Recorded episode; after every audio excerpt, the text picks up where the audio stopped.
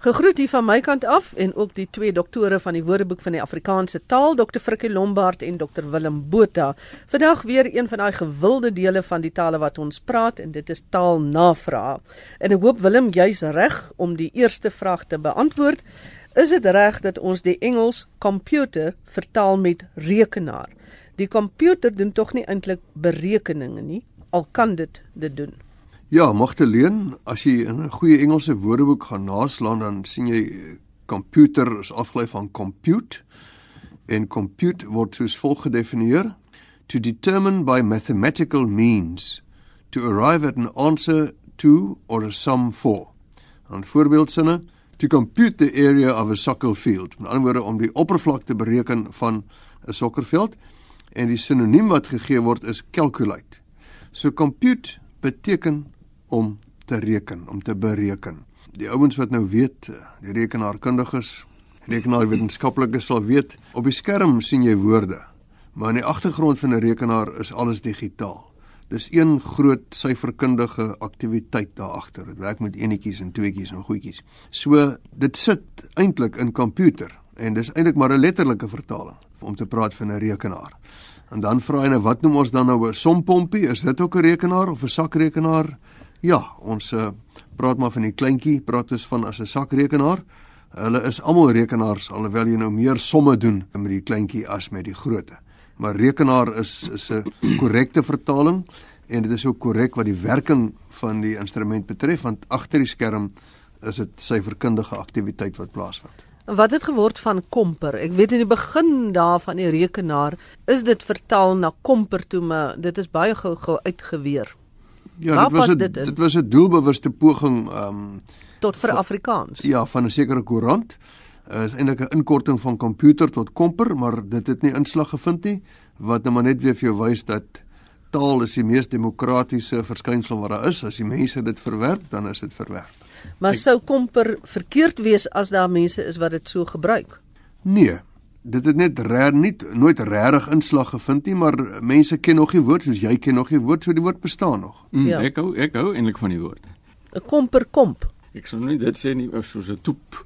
Uh baie mense grill as hulle die woord toep hoor ja, vir 'n app. Ja. En eintlik is die aanvaarde uh, mens kan van 'n uh, app praat. Dit is aanvaarbaar, maar nou ja, nou is daar weer mense wat verkies om van die toep of die toepassing te praat. Laat ons die vryheid maar bied dan. Ja. Ons kyk maar oor 10 jaar watter een het inslag gevind. Ja. Goed, die tweede vraag gaan aan Frikkie. Tiel Venter het in 'n ou burger die woord kwiksoties raak gelees. Wat beteken dit en waar kom die woord vandaan? Tiel, ja, die woord beteken dat jy eintlik op 'n onpraktiese manier idealisties is. So effens naïef en uitvoering met die werklikheid. Dit kom eintlik uit Engels uit quixotic En nou moet 'n mens gaan kyk maar waartoe gaan dit op terug. Nou ek dink van die luisteraars kan nou al begin raai dat dit eintlik te doen het met Don Quixote, die idealistiese held van uh, Miguel de Cervantes se uh, klassieke boek. Uh, want hy was hy was 'n persoon wat so half idealisties was, maar op 'n onpraktiese manier of onhaalbare manier. Wat interessant is is dat ons ook in Afrikaans uh, woorde het wat direk met Don Quixote skakel soos Don Quixotesk of Don Quixotis maar hulle is absoluut weinig gebruiklik. Quixotis is die algemeen aanvaarde woord wat in hierdie verband gebruik word. 'n Kleinkind van Hannes Mentjies het vir hom gevra wat die intensiewe vorm van sout is, maar aanvaar nie sy antwoord nie en Gawie Malherbe se kleinkind wil nou weet hoe sê 'n mens so ryk soos uh die sout as iets baie sout is dan sê ons dit is pekelsout. Miskien moet ek net verduidelik wat pekel is. Pekel is of 'n natuurlike oplossing van sout in water soos wat jy in die grond kry. Jy kan dit uit die grond pomp soms. Dit is dit is 'n eenvoudige natuurlike oplossing van sout in water of jy kan dit self aanmaak 'n gekonsentreerde oplossing van sout vir al tafelsout in water. En jy kan natuurlik ook iets in pekel sit. Jy kan in, in soutwater sit um, om dit in te sout. Baie sout is dan nou pekelsout. Jy kan ook net sê iets is pekel, dan beteken nie dit is 'n spekelsout. Die ander klein kind se navraag, so ryk soos, nou dis nogal 'n moeilike enetjie, maar uh, ons weet almal as jy baie ryk is, dan is jy skatryk of jy is stinkryk en ek sal graag iets wil sê oor stinkryk. Maar ek en Frikker daaroor gepraat en en alwaar ons kon dink is so ryk soos 'n koning. En ek het dit nageslaan en ek het 'n paar voorbeelde gekry van so ryk soos 'n koning in in die koerante. Ek net iets sê oor daai stinkryk as iemand baie ryk is en hy stinkryk. Dit kom nou eintlik uit Engels, the stinking rich. En dit was die gebruik dat jy 'n praal graf of 'n baie mooi versierde graf in 'n kathedraal vir jouself kon laat bou. Maar die probleem eraan gekom as dit baie reën, was alles nie so dig nie en daar water ingelek in die graf en dan die water uitgeloop in die kerk en dit het nie baie lekker geruik nie. En dan het die manne so 'n tong in die kies gesê, "Mmm, the stinking rich is here." So, dit is waar stinkryk vandaan kom. Jy kan natuurlik ook sê hy's so Croesus as iemand baie ryk is. En Croesus was die laaste koning van Lydië, die antieke land in Klein-Asië. Croesus het so van 560 tot 546 voor Christus geregeer. En hy het al die Griekse stede in wat vandag as Turkye bekend is, het hy verower en so het hy 'n kolossale rykdom opgebou wat hom die rykste mens van sy tyd gemaak het. Lourens Vermaak vra hoekom doopseël sonder 'n deelteken geskryf word en as ek reg het dan word seël wel met 'n deelteken geskryf. Ja, dit is Verduidelik vir ons waar kom die storie vandaan? Ja, dit is nou inderdaad presies wat wat uh, Lourens bedoel. Hy sê want die die seël wat ons normaalweg gebruik en ken die of wat nou al meer uh, miskien onbekend raak weer 'n posseël word dan nou wel met 'n deelteken geskryf. Nou kom ons begin dan maar met met die seël wat ons op 'n koevert plak, die ou posseël. Oorspronklik was dit 'n figuur wat in was of lak afgedruk is om die egtheid van iets te waarborg. En dit kom eintlik uit die Nederlands zegel, Z E G E L. En dit was daai zegel was eintlik 'n stempel wat jy iets gegee het om iets te waarborg dat dit jy is. Nou In Afrikaans kry ons die proses waar woorde wat uit Nederlands uitkom en tussen twee vokale staan die die die die g het ons gesê die intervokaliese g val weg in Afrikaans soos in die geval van zegel gebeur het ook soos in die geval van regen. En natuurlik is zegel en regen is is twee letter greepig. En nou moet jy iets kry het die mense gedink wat ook twee letter greepig sou wees in Afrikaans en om dit reg te kry het hulle dan die 'n deelteken op die tweede e geplaas. Dan lyk dit na sehul of reën alhoewel ons in die praktyk dit glad nie so uitspreek nie. Maar jy dit was maar om die twee letter greepigheid na te doen wat in Nederlands as dit ware bestaan het met die g wat tussen die die twee e's gestaan het.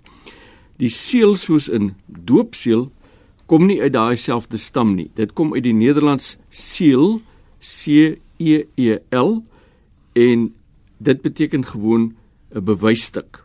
Dit is 'n skriftelike bewysstuk in hierdie geval dat jy gedoop is.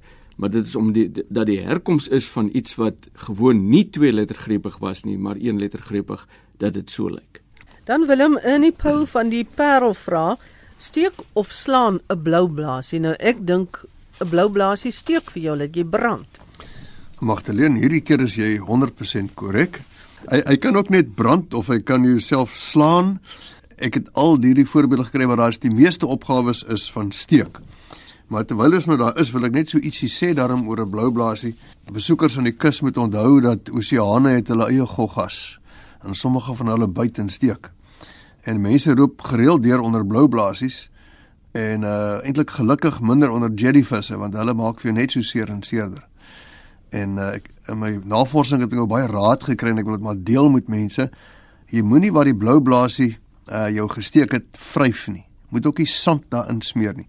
Spoel dit af met seewater of verlig die brand met asyn of alkohol of behandel dit met antihistamiin. Ek weet nie waar jy dit gaan kry nie, maar as jy dit het, en dan calamine room of calamine lotion wat jy ook gebruik het as kind vir jou ehm um, waterpokkies vir jou Daai pink room. Ja, hy bring verligting. Maar 95% van die gevalle het jy nie 'n dokter nodig nie, dis net soms. Dis dis eintlik baie interessant. Die gif word deur die selle op die tentakels van die blou blaasie vrygelaat. Wanneer die selle kontak maak met jou vel, ontplof dit letterlik en dit word in die vel ingeskiet, die gif en dit veroorsaak hierdie branderigheid en die vel word rooi en 'n juk en soms word daar ook klein blaasies gevorm. Maar groot ding is moet dit nie vryf nie. Jy kan as daar nog van die selletjies in jou vel sit, kan jy met iets skerp soos 'n kredietkaart of 'n mes neem jou kredietkaart as jy nie meer 'n mes dra die in aan vee net so oor die vel en en dan haal jy daardie ehm um, oorblywende dele van die blou blaasie uit, maar moenie dit probeer andersins uithaal nie. Goed, dit klink asof ons met 'n anatomie les hier besig is. Jy weet, ons ja. is in 'n taalprogram maar nou. Ja, dit Hoe is baie oulik. Hoe jy dit wat nou 'n bietjie later volg? Ja, en die, en natuurlik met 'n mens uh jy weet dink daaraan dat dit eintlik net in die water gebeur. Party mense is vreeslik versigtig as hulle op die strand loop en die goed lê uitgespoel. Hulle kan jou dan niks doen eintlik nie. Hy hy slaan wel om jou been in die opsig dat die tentakels, jy weet, uh, uh met die water aangespoel kom en dan om jou been vou baie keer.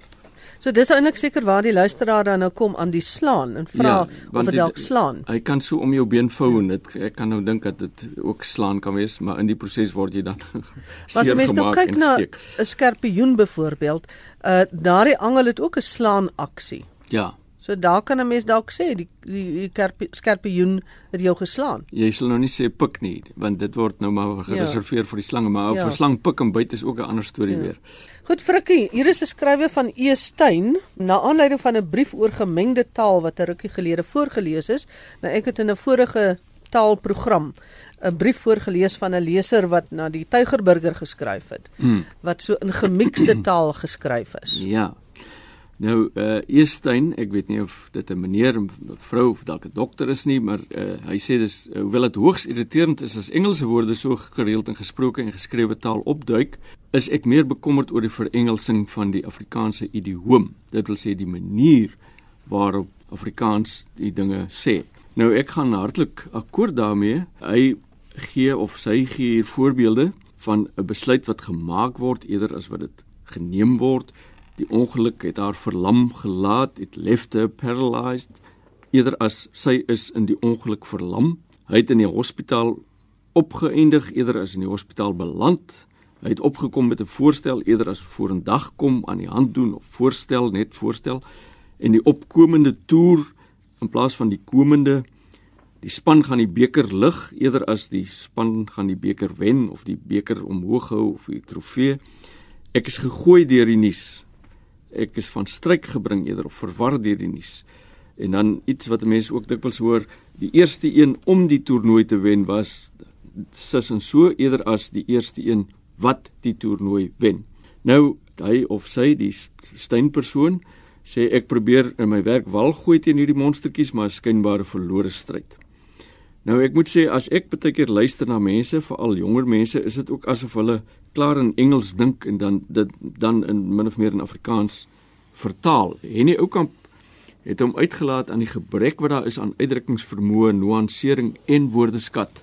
Uh en hy het gesê Afrikaans verloor eintlik sy geloofwaardigheid as medium weens die ondermyning van binne af uit ten opsigte van die woordeskat en die sinsbou en die idioom en hy het voorgestel dat 'n mens maar Afrikaans praat, let wel, praat en skryf so dat dit sy geldigheid as medium in een taalsituasie na die ander demonstreer. Ek dink 'n mens kan maar luister na hier nie in die verband. Willem, twee luisteraars het gereageer op uh, julle antwoord oor waarom ons hin skryf terwyl ons hun H U N sê. Dit was so rukkie terug op een van ons taalnavrae. Ja, die vraag soos jy sê was waarom skryf ons en met 'n afkappingsteken as ons hun of h of e sê. Hans Hof sê hy het uh, die eerste 10 jaar van sy lewe was Nederlands sy moedertaal en hy mag dalk bietjie verroes wees, maar sy onthou en waarneming is dat die Nederlandse een is uh, baie nader aan ons eie e of hun as wat dit aan een is. En hy's heeltemal reg. Ons het nou eintlik nie mooi gepraat oor die Nederlandse uitspraak nie. En uh, dit is so. Hulle hulle sê die getal 1 is 1, maar die lidwoord 1 spreek hulle baie nader aan ons in of hin uit. En uh, ek het toe ook 'n baie lekker gesprek met Jaap Steyn gehad oor hierdie onderwerp. En hy vertel toe nou baie interessant dat Anton Reichling so 80, 90 jaar gelede in sy monumentale werk het woord wel die onbetaalde lidwoord hin gebruik het uh, en met 'n afkappingsteken in Nederlands. Nou volgens een of ander spellingsstelsel was dit destyds toelaatbaar. Maar in die herdruk van die boek in 1967 is daai hin vervang deur een in Nederlands. Maar hy sê hy het in 'n in 'n latere werk in in die 60er jare, sy versamelde studies, het hy weer per ongeluk 'n paar keer die hun gebruik. So Nederlands het amper ook 'n 'n hun of 'n 'e soos ons gehad. En dan het hy vir my gewys op iets anders. Hy sê in die begin van die 20ste eeu in Afrikaans was daar 'n paar joernaliste en ander skrywers wat in plaas van hun soos ons hom nou skryf net 'n e geplaas het. 'n maar dit het nooit inslag gevind nie. So dis eintlik 'n baie interessante onderwerp. Nou ja, daarmee ons nou eindig met vandag se taalnavraag want dit is nog 'n baie ander belangrike aankondiging en baie opwindende aankondiging. En dit is 'n kompetisie wat RSG en die WAT en die ATKV nou gaan doen. Van vandag af tot dan die einde van die maand 31 Mei Willem.